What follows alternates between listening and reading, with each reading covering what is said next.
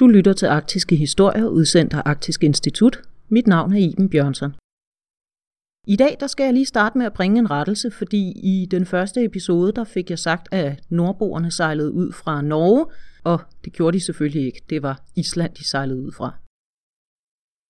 I sidste udsendelse der fortalte jeg overordnet om ekspeditionerne og deres betydning, og i denne her udsendelse, der skal vi så, som jeg lovede, dykke ned i et par af de mere berømte og berygtede ekspeditioner. Jeg er øh, gået op i arkivet, som ligger helt op under taget op på 4. sal på Arktisk Institut i Strandgade. Og her er jeg altså gået op for at finde nogle af alle beretningerne fra de her ekspeditioner. Og jeg vil prøve at give jer et billede af de tit ret barske vilkår, som mødte ekspeditionsdeltagerne. Og apropos ekspeditionsdeltagerne, ja, så skulle man nok også være gjort af et særligt stof for at drage ud og tilbringe et eller flere år med at gå på opdagelse i arktiske egne. Vi har talt om ekspeditionernes formål og betydning for Danmark, men de betød jo altså også en hel del for dem, som tog afsted. Og gå på ekspedition, ja, det var noget, der kunne skaffe en berømmelse og anseelse. Navne som Knud Rasmussen, Peter Frøken og Ejner Mikkelsen var kendte i deres samtid. Og hvis du ikke kender dem, så bare rolig. Det kommer du til, hvis du bliver hængende. Men den her berømmelse, den trak nok for mange. Det var noget, deltagerne ofte var så bevidste om. Hør bare, hvad en ekspeditionsdeltager på den litterære ekspedition i 1902-4, Ludvig Mylius Eriksen, skrev i sin dagbog. Så snart det er gået op for den enkelte deltager i en fælles ekspedition, som står lige mange tidligere ved hvilke mænd blev berømte, gribes han af en udmodståelig trang til at blive nummer et, til at sikre sig stof til at fange verdens interesse i særlig grad frem for andre. Mylius Eriksen vender vi også tilbage til, men vi skal starte i dag med en anden arktisfarer. Robert Peary han var en amerikansk civilingeniør og officer, men han er nok mest kendt for sine mange ekspeditioner i Arktis. Blandt andet blev han den første, der nåede Nordpolen i 1909. Men det er nu ikke det, der er emnet for denne udsendelse. Det er derimod, hvordan en af Perrys tidligere ekspeditioner satte en kæde af begivenheder i gang, som ledte til flere ekspeditioner, der blev blandt Danmarks kendteste. Det viser også, at ekspeditionerne var tæt forbundne og byggede på hinanden. Og man kommunikerede også med hinanden. Og med det skal vi have introduceret et af alle ekspeditioners faste indslag, nemlig Varden. En varde er en lille stenhøj, som er bygget af mennesker. De kan tjene som landkending, men altså også som oplysning om, at her har været nogen, hvilket er meget smart, når man for eksempel rejser i ubeboede egne. I de her varter eller under dem, ja, der lagde man så en lille beholder ned, en flaske, et læderetui eller lignende, med en beretning, som gav en status over ekspeditionen og måske et par genstande. Sådan en rapport kaldes en varteberetning, og den tjente altså ikke kun som en markering, en måde at skrive, her var jeg på. Varterne havde også en mere morbid, men nødvendig funktion. De skulle sikre spor efter ekspeditionen og information om dens gang, hvis medlemmerne døde. Tit så blev det en efterfølgende ekspedition, som fandt en varteberetning og tog den med hjem, og så nedlagde en ny på samme sted. Men der er faktisk også eksempler på varter fra begyndelsen af 1900-tallet, som først er blevet fundet i slutningen af 1980'erne. Tilbage til Robert Perry. Han var på en ekspedition i 1891-92, som gjorde, at han kom til at lægge navn til den aller, aller øverste del af Grønland, Perryland. Det var jo en del af hele den her koloniale opdagelseskultur, at man lagde navn til eller navngav de områder, man så at sige opdagede, altså også uanset om der boede nogen i forvejen. Og de navne, ja, det blev altså dem, man i vestlig sammenhæng kendte området under fremover. Perryland er en halvø, men Robert Perry havde en teori om, at en af fjordene ledte til et sund, en kanal, der adskilte Perryland fra resten af Grønland. I så fald ville han kunne gøre krav på Perryland for USA. Den her fjord, den kaldte han Independence. Det sund, han troede fandtes. Det blev kendt som Perry-kanalen. Perry placerede også en varte på det sted, han kaldte Navy Cliff på sydsiden af Independence-fjorden. Perrys varte og hans teori, den danner altså grunden for den fortælling, vi skal i gang med nu. I 1906 der drog en stor anlagt arktisk ekspedition afsted fra København. Danmark-ekspeditionen hed den, opkaldt efter skibet Danmark, som den sejlede ud med. og den er nok til dags dato den mest berømte og berygtede af de danske ekspeditioner. Formålet med ekspeditionen var at udforske Grønlands nordøstkyst, som man endnu ikke havde kortlagt. Det var stadig det, man kaldte, og som var, en hvid plet på landkortet. Skibet var fyldt med geologer, botanikere, zoologer, arkeologer, meteorologer og tyskeren Alfred Wegener, som senere blev den første til at fremsætte teorien om kontinentalpladernes drift. Ekspeditionen var ledet af polarforsker og forfatter Ludvig Mylius Eriksen. Ham vi citerede lige før, der havde skrevet om ergærigheden hos Arktisfarerne. Selvom det ikke var ekspeditionens hovedformål, ja, så var en af opgaverne at undersøge den her påstand om Perryland var en ø. Den opgave besluttede Mylius Eriksen sig for selv at udføre. I marts 1907 tog han ud med slædehold 1, der udover ham selv bestod af en kartograf, Niels Peter Høgh Hagen, og den grønlandske polarforsker og slædefører Jørgen Brøndlund, for blandt andet at undersøge Independence Fjord og om den virkelig ledte til et sund, Perry-kanalen, der adskilte Perryland fra resten af Grønland. De nåede også Independence Fjord, men senere end de havde regnet med. De var nemlig startet med at gå forkert. Længe havde de udforsket en forkert fjord sydøst for Independence. Da de opdagede fejlen, var det egentlig blevet lidt sent i forhold til, hvornår de planlagde at vende tilbage til skibet. Men de besluttede sig altså alligevel for at tage en tur op til Independence Fjorden. Den nåede de den 1. juni, og da de så Perrys varte på Navy Cliff, så vidste de med sikkerhed, at det var her, han mente, at kanalen burde findes. Og de fandt jo så også ud af, at det gjorde den ikke. Så de konstaterer ganske rigtigt, at Perryland ikke er en ø, men landfast med Grønland. Og med det kan de begynde hjemturen. Men det bliver svært. For det første har de været væk for længe, og forsyningerne svinder. Hør bare, hvad Grønlund han skrev i sin dagbog den 4. juni. Så spiste vi den sidste rest havregryn. Vi kommer til at dræbe en hund og fodre de andre hunde med. Kun sjældent var der noget for os at skyde, og når der var noget, gik det også uheldigt dermed, hvor hunde tabte for hver dag kræfterne, fordi de fik for lidt at æde. For det andet, og det var altså grunden til, at det kunne blive for sent i den her sammenhæng, og at det var uheldigt, at de havde spildt tid med at undersøge den forkerte fjord, det var, at det simpelthen blev sommer, og det betyder usikker is og tung sne. Den 8. juni skriver Mylius Eriksen i en varteberetning forgæves jagt efter moskusokse og sæler i forbindelse med pludselig indtrådt høj temperatur, stærk smeltning af fjordisen og den dybe sne, samt nyt snefald og stærk blæst har forsinket rejsen og tvunget os og vores hunde til at leve på et minimum af føde trods anstrengende arbejde. De afkræftede hunde har simpelthen ikke en chance mod de forhold. De tre mænd beslutter sig altså for at blive sommeren over og leve af det vildt, de kan jage. Men det går ikke ret godt. Mennesker og hunde sulter. Mylius Eriksen skriver i en varteberetning den 8. august.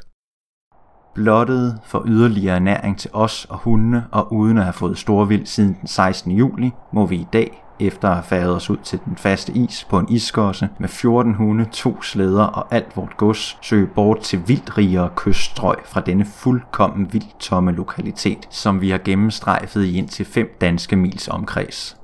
Lykkes det os at skaffe tilstrækkelig kødforsyning, agter vi, når isen antagelig hen mod slutningen af indeværende måned bliver brugbar, at køre de cirka 125 danske mil tilbage til skibet, hvor vi håber at kunne ankomme inden september måneds udgang, med eller uden hunde. Men noget går galt. De bliver fanget på havisen, og august regner ud, uden at de kommer på vej tilbage. Den 12. september skriver Mylius Eriksen en ny varteberetning i anledning af, at de først da vil begynde hjemrejsen. Siden vi den 8. august forlod oversomringslejren cirka 11 danske mil herfra, har vi måttet slagte syv hunde til vor egen og til de efterlevende hundes ernæring, medens vi 16 dage lå på havisen halv mil fra land, stanset af smeltevand. De her varteberetninger, ja, de bliver altså først fundet senere, så på det her tidspunkt, i efteråret 1907, ja, der ved resten af ekspeditionen ikke, hvad der er blevet af slædehold 1. Og tiden går. De sidste mennesker, der havde set slædehold 1, det var slædehold 2, ledet af topografen I.P. Kok. De havde mødt hinanden i maj 1907, og Kok vidste, at slædehold 1 var draget mod Independence. I foråret 1908, altså da sommeren og vinteren er gået, uden at slædehold 1 er vendt tilbage til skibet, drager Kok og en anden af to 2 deltagere, Tobias Gabrielsen, nordpå for at lede efter dem. Og der, på et område mellem to fjorde, der hedder Lambertland, ved den 79. 20. breddegrad, finder de livet af Jørgen Brøndlund. Han har lagt sig i en lille hule, og han har vidst, at det skulle blive hans sidste hvilested i livet. I hans dagbog, der ellers er på grønlandsk, der har han skrevet sine sidste ord på dansk. Omkom 79 fjorden efter forsøg hjemrejse over indlandsisen i november måned. Jeg kommer hertil i aftagende måneskin og kunne ikke videre af forfrostninger i fødderne og af mørket. Andres lig findes midt i fjorden foran bræ, omtrent 2,5 mil. Hagen døde den 15. november, og Mylius cirka 10 dage efter. Jørgen Brøndlund. Men selvom Brøndlund altså angav, hvor de andres lig skulle ligge, så fandt Kok dem ikke. Han vurderede simpelthen, at det ville være nytteløst at lede efter dem. En mulig forklaring dukkede op i 1988 sammen med et kort, der dukkede op på et loft i Jylland, som angiveligt var tegnet af Kok, og som antyder, at han faktisk fandt ligene. Men på det her kort stod også, at det ikke skulle offentliggøres, at omstændighederne var for slette, og at Koks rejsemarker Tobias Gabrielsen ikke havde fået noget at vide om, hvad det så var. En teori er, at kroppene var så slemt maltrakteret af isbjørne, at Kok simpelthen smed dem i vandet. Men det er altså ikke noget, vi kan få vidshed for, og det er formentlig også det, som gør, at Danmark-ekspeditionen er omgæret af så meget mystik og interesse. Ingen ved, hvad der hente med ligene af Niels Peter Høgh Hagen og Ludvig Mylius Eriksen. Så Mylius Eriksen, ja, han blev berømt, men måske ikke helt på den måde, han havde håbet. Til gengæld opnåede ekspeditionen faktisk rigtig meget af det, som var så vigtigt i de her år, at opdage og kortlægge verden. Det sidste tomme stykke kyststrækning, den hvide plet på landkortet, ja, den kunne fyldes ud. Så selvom dens leder døde, så blev Danmark-ekspeditionen faktisk regnet for at være en stor videnskabelig succes. Blandt andet kunne Perrys påstand jo altså også afvises, selvom det fandt man først ud af senere, for Mylius Eriksen kunne jo ikke fortælle, hvad han havde opdaget om Perry-kanalen, at den ikke fandtes. Netop det her med Mylius Eriksen og Sledhold 1's opdagelser, det blev altså hængende som et stort spørgsmålstegn i luften. Ikke bare ligene, men også deres papirer og ikke mindst deres dagbøger, som mange mente måtte findes deroppe et sted i Nordøstgrønland. Sådan gik det til, at Danmark-ekspeditionen ledte til en ny ekspedition, for nu besluttede altså en anden kendt og erfaren ekspeditionsmand, kaptajn Ejner Mikkelsen, at han ville tage turen derop og lede efter papirerne. Og nu har jeg så fundet Ejner Mikkelsens arkiv. Må ikke det er noget af det rigtige, skal jeg se. Her er så instruks for polarforskeren Ejner Mikkelsen som leder af en ekspedition til Grønlands nordøstkyst med hovedformål at hente Mylius Eriksens og Høgh Hagens observationsjournaler. Og her kan man altså læse, hvad øh, det er meningen, der skal foregå på den her ekspedition. Faktisk øh, forholdsvis detaljeret helt ned til rejserute og proviantering. Og der står også, at ekspeditionen burde igen være i Danmark i august eller september 1910. Sådan gik det jo ikke. Og det er skægt apropos det her med at blive berømt på ekspeditionerne, fordi selvom Ejner Mikkelsens officielle opgave jo bare var at finde oplysninger om Sledhold 1 og deres opdagelser, ja, så var han altså også bevidst om, at der kunne falde noget af til ham selv. Det ser vi af instruksens punkt 10. Det er den tilladt at skrive korrespondencer til bladene, såvel under som efter ekspeditionens afslutning. De skal dog drage omsorg for, at korrespondencer etc. til blade eller tidsskrifter ikke afsendes således, at de kan komme vedkommende blad eller lignende i hende før end rapporterne fra komiteen. Det er dem endvidere tilladt efter hjemkomsten at skrive en populær rejseberetning, samt at holde foredrag, om de måtte ønske det. Mikkelsen rejste til Grønland på et skib, der hed Alabama. Og traditionen tro med at opkalde ekspeditionerne efter skibene, man sejlede op i, ja, så blev turen kendt under navnet Alabama-ekspeditionen. Deres maskinmester blev syg, så i Island samlede de en ny op. Han hed Iver Iversen. Da Alabama nåede farvandet omkring Shannonø, cirka på midten af Grønlands østkyst, ja, så kunne skibet ikke komme længere for is. De måtte lægge det for anker syd for øen og fortsætte med hundesleder. Der var stadig over 500 km til Lambertland, hvor Brønlunds lig var blevet fundet. Ikke desto mindre nåede de altså Lambertland i efteråret 1909. De fandt Brønlunds lig og lavede en rigtig grav til det. De fortsatte også nordpå til det sted, som Brønlund havde angivet, men de kunne simpelthen ikke finde det. Eller de fandt hverken lig eller varter. Og efter at have let forgæves i tre dage, vendte de tilbage til skibet for at overvintre og samle kræfter. Da solen kom frem igen, altså i foråret 1910, tog Ejner Mikkelsen og Iver Iversen atter ud for at lede efter spor fra Mylius Eriksen og Hø Hagen. Men turen nordpå var slidsom og fuld af forhindringer og dårligt vejr. De blev forsinket. Ikke desto mindre fandt de faktisk lidt af det, de ledte efter. Mylius Eriksens varteberetninger fra august og september 1907. Men så gjorde Ejner Mikkelsen noget mærkeligt, eller det var nok snarere det, han ikke gjorde. Det var kutyme, når man nåede en varte, og især hvis man tog noget af dens indhold med sig, så skrev man en ny beretning og lagde ned. Også gerne en afskrift af den beretning, man havde taget med sig. Men det gjorde Mikkelsen ikke den her gang. Selv skriver han, at han var træt og udmattet og syg af skørbu, og det simpelthen ikke faldt ham ind, at nogen ville komme derop. Men i hans biografi, ja, der antyder forfatteren Kurt L. Frederiksen, at Mikkelsen måske også var lidt skuffet og ærgerlig.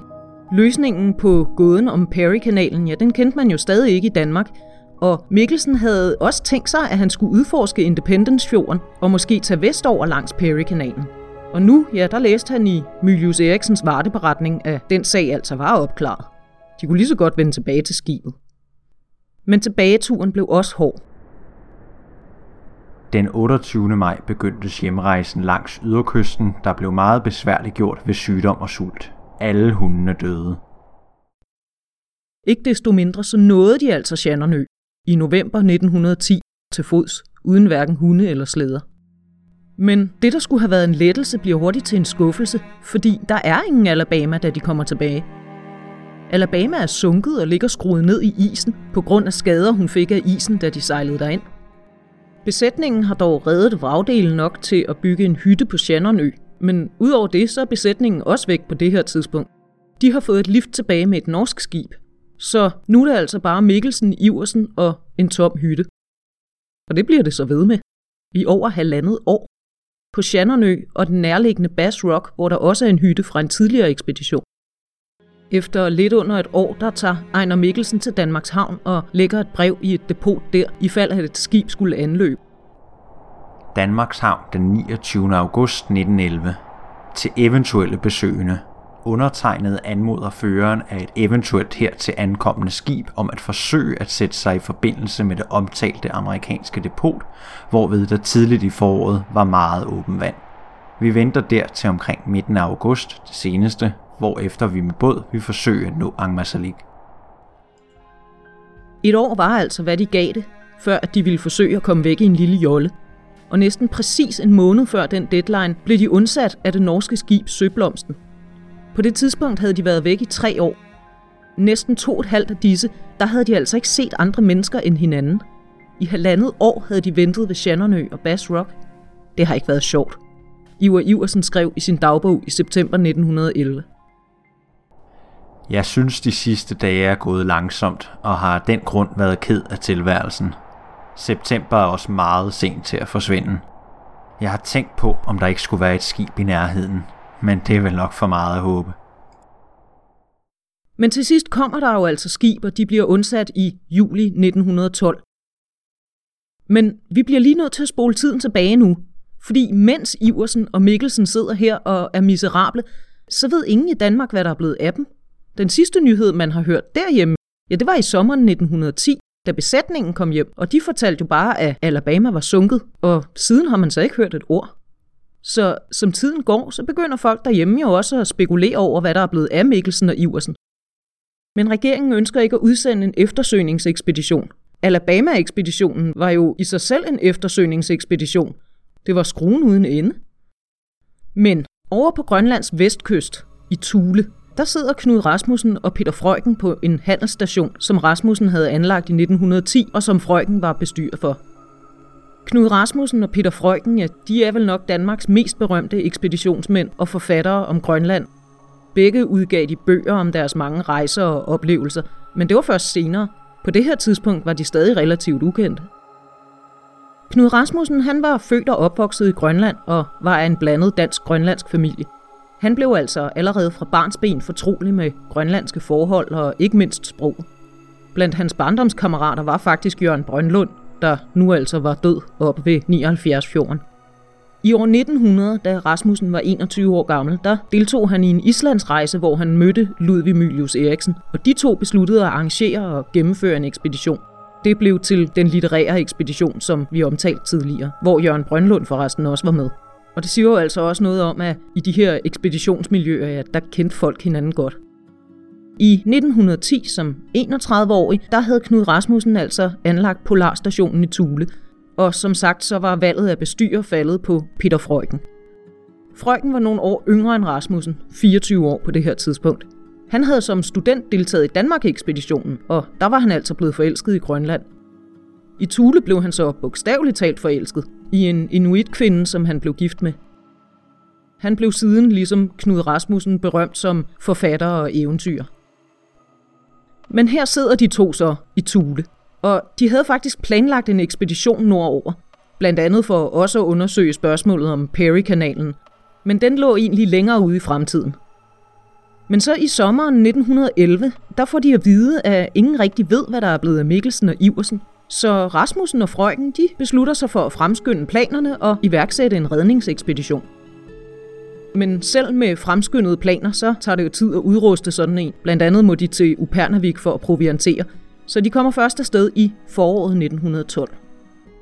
Rasmussen og Frøken de rejser sammen med de to inuiter, Usloriak og Inukitsok, tværs over indlandsisen fra Thule til Nordøstgrønland. Hvad vi efterhånden ved om arktiske ekspeditioner, det er, at man ikke undgår nogen strabasser undervejs. Blandt andet bliver frøken stærkt sniblind og får en harpun i sin ene balle. Værre ulykker end det tilstøder dem altså ikke, og i juni finder de den lejr, hvor Mylius Eriksen, Brønlund og Hø Hagen havde tilbragt sommeren 1907. De finder også Mylius Eriksens varte, men de kan ikke forstå, at den er tom. Knud Rasmussen lægger en beretning i varten, hvor han skriver. Der er her ved Varden ikke fundet nogen beretning, ligesom der ej heller andet sted i fjorden er fundet spor efter Ejner Mikkelsen og Iversen. Peter Freuchen skrev senere. Nu vidste vi ikke, at han havde været her. Tværtimod tog vi det som et tegn på, at han ikke var nået hertil. Vi vidste derfor ikke, om vi skulle søge ham mod nord eller syd. Når der ikke er noget fra ham i Varden, ja, så er det rimeligt at gå ud fra, at Mikkelsen må være vendt om, før han kom så langt nordpå, og måske søgt til beboede egne. Derfor bliver de enige om, at det ikke kan betale sig at tage sydpå og lede efter ham. Ellers resonerer de, så er der jo den mulighed, at han er taget videre op til Perry-kanalen og vestover derfra. I så fald, så vil de finde ham der. Det gør de jo i sagens natur ikke. Da de når bunden af Independence-fjorden, så må de sande, som Mylius Eriksen før dem, at kanalen ikke findes, og at Perryland er landfast med Grønland. Hvilket de i øvrigt også ville have vidst, hvis Ejner Mikkelsen ikke havde taget Mylius Eriksens varteberetning med sig, uden at erstatte den med en ny. De finder også Perrys varte, Ja, det vil sige, Knud Rasmussen har et dårligt ben, så det bliver Peter Frøken og Inukitsok, der går ud til den. Besøg denne varte på Navy Cliff sammen med Eskimoen Inukitsok, da Knud Rasmussen ligger syg i teltet, stærkt lidende af iskias. Medtager herfra en beretning fra Mr. Perry, identisk med den efterladte, samt en flaske indeholdende en del papir, sandsynligvis kun aviser, medtager flasken uden først at tage papirerne ud for at opmuntre Knud Rasmussen med den dejlige viskelugt, der strømmer ud af den. Og whiskylugten, den satte Knud Rasmussen ganske rigtig pris på. Da vi tog proppen af flasken, brød vi uvilkårligt ud i et ah. Til trods de 20 år, der var gået, siden den var blevet tømt, havde den dog bevaret den livligste duft af whisky. At Independence-kanalen ikke findes, det betyder jo også, at de to forstår, at der er Mikkelsen ikke. Derfor, efter at have udforsket området, ja, så vender de næsen hjemad mod Tule. Og trods dårlige ben og en del sygdom, så når de frem den 15. september. Hvad Frøken og Rasmussen ikke ved, er, at netop i de dage, altså sommeren 1912, hvor de udforsker Nordøstgrønland, ja, der er det, at Mikkelsen og Iversen nede på østkysten bliver undsat. Det her med, at Mikkelsen ikke efterlod sig nogen spor op i Nordøstgrønland, det er altså noget, der irriterer Knud Rasmussen, da han finder ud af det. At Ejner Mikkelsen ikke i varterne efterlod en afskrift af de udtagende beretninger, samt kortfattede oplysninger om, hvad han selv havde gjort og agtede at gøre, var uforsigtigt. Hvis han og Iversen senere havde sat livet til, en mulighed som de måtte regne med, kunne de selv være forsvundet sporløst, samtidig med at Mylius Eriksens beretninger ville være fuldstændig tabte. Selvom de ikke fandt Ejner Mikkelsen, så synes de jo alligevel, at de har gjort nogle vigtige bedrifter. Ikke mindst det med Perry-kanalen, som de stadig tror, de er de første, der har fundet ud af. Da Ejner Mikkelsen kan fortælle det i København i sommeren 1912, der leder de jo stadig efter ham. Og nyheder, ja, de kom til Tule via skib dengang, og dem gik der heller ikke så forfærdeligt mange af. Knud og jeg fik lidt efter lidt opfattelsen af, at vi havde udført noget, der var omtale værd. Vi var kørt tværs over indlandsisen heroppe og tilbage. Det var gjort tidligere i 1888 af Nansen, men langt tydeligere. Vores rejse havde jo ikke været planlagt og udskrevet før afrejsen, og ingen havde sunget dens pris senere. Der var dengang ingen radio, der kunne følge vores fremskridt fra dag til dag, og ingen store overskrifter i aviser til at udbasonere os. Nu fik vi pludselig trangen til også at stråle lidt i lyset og lade folk forstå, at vi var et par fandenskale, og en dag fik vi den idé selv at rejse til Danmark og fortælle det. Så Frøken og Rasmussen de tager til Danmark i foråret 1913, og undervejs lægger de til i Torshavn på Færøerne for at sende telegram om, at de er på vej til København, og om deres rejse, som ingen derhjemme jo endnu ved noget om. Og det er altså også først da, at det går op for dem, at Ejner Mikkelsen han sidder trygt og godt i København, og alle andre ved, at Perry-kanalen ikke findes. Måske er det derfor, at Frøken han siden har beskrevet opholdet i Danmark som en lidt flad fornemmelse, også selvom de jo faktisk havde gjort nogle opdagelser og erfaringer, der fremover blev betragtet som betydelige. Ejner Mikkelsen er i øvrigt ret flov over sin bummert med varden, og han kommer personligt ned og tager imod Knud Rasmussen og Peter Frøken, da deres skib lægger til i København. Men resten af komiteen for Alabama-ekspeditionen, de bliver væk, og det udtaler Frøken så også noget fortørnet over til et par aviser, at man måske nok havde ventet lidt mere taknemmelighed fra den komité, hvis ekspedition de havde prøvet at komme til undsætning. Og så er vi måske i virkeligheden tilbage til udgangspunktet, det her med berømmelsen, æren, respekten, som Frøken og Rasmussen vist ikke helt synes, de fik nok af her i 1913. Man kunne jo have beroliget dem med, at det ville de få i rigt mål sidenhen. Thule blev udgangspunktet for en række ekspeditioner, og eftersom der ikke var noget skib involveret, ja, så fik ekspeditionen siden navnet Første Thule-ekspedition. Både Frøken og Rasmussen har som sagt udgivet masser af bøger om deres rejser i Grønland. Også Ejner Mikkelsen benyttede sig af den tilladelse, han havde fået i sin instruks til at udgive en populær rejseberetning. Han har skrevet adskillige bøger om Grønland i almindelighed og Alabama-ekspeditionen i særdeleshed. Og alle tre havde også flere ekspeditioner foran sig, selvom man jo nok kunne have ment, at særlig Mikkelsen havde fået nok for en livstid. Så er vi nok i virkeligheden også tilbage til det her med, at man skulle være lidt særligt indrettet for at tage på ekspedition, og endda gøre det flere gange – Selvom det var farligt, så var de her opdagelsesrejser på isen, ja, det var altså noget, der trak. Og det fik folk til at vende tilbage. Som Peter Frøken senere skrev om tiden i København efter første Thule-ekspedition. Jeg havde nu været tre år borte fra civilisationen, men i virkeligheden følte jeg mig mere udenfor, end de år kunne forklare. Flere af mine venner var blevet store mænd, eller var godt på vej dertil. Nu opdagede jeg, at det jeg kunne, køre med hunde og fange valrosser, ikke betød noget i verden, som jeg havde gået og glædet mig ved deroppe. Jeg forstod, at det er farligt at isolere sig for meget, og så tro, at man er den samme, som før man rejste. Jeg forstod, at jeg hurtigst muligt måtte tilbage igen og blive deroppe, hvor jeg var lykkeligst. Du har lyttet til Arktiske Historier, skrevet, produceret og fortalt af mig, Iben Bjørnsson fra Arktisk Institut. Til denne episode har jeg fået hjælp til Speak af Stig Rasmussen. Hvis du er blevet nysgerrig og gerne vil vide mere om ekspeditionerne, så er der altså udgivet masser af bøger, både af dem, som selv var afsted, og af folk, der senere har skrevet om dem. Spørg på biblioteket. Den litteratur, jeg har brugt til at researche den her udgave, er følgende. Om Danmark-ekspeditionen, den sidste brik af Ole Ventegodt og omkom 79-fjorden af Vagn Lundby om Alabama-ekspeditionen, Ejner Mikkelsens to bøger, Farlig tomandsfærd og Tre år på Grønlands østkyst, samt Iver Iversens dagbog. Knud Rasmussens artikel om første Thule-ekspedition findes i Geografisk Tidsskrift, bind 22 fra 1914. Det er online, og jeg har suppleret med Min grønlandske ungdom af Peter Frøken. Desuden har jeg brugt Kurt L. Frederiksens biografier om Peter Frøken, Knud Rasmussen og Ejner Mikkelsen. Og jeg har selvfølgelig været i Arktisk Instituts arkiver. Som altid har jeg brugt Gyldendals Danmarks historie og biografiske leksikon som baggrund. Hytterne på Shannonøen og Bass Rock står der forresten stadig. De er lidt af en attraktion for rejsende på de kanter. Billeder fra ekspeditionerne kan ses på arktiskebilleder.dk. Vi er på Facebook og Twitter, Arktisk Institut, og på Instagram, Arktiske Billeder. Musikken var som altid fra albummet Cold med Kai Engel. Det er kai, k a i engel.com. Jeg håber, vi høres ved.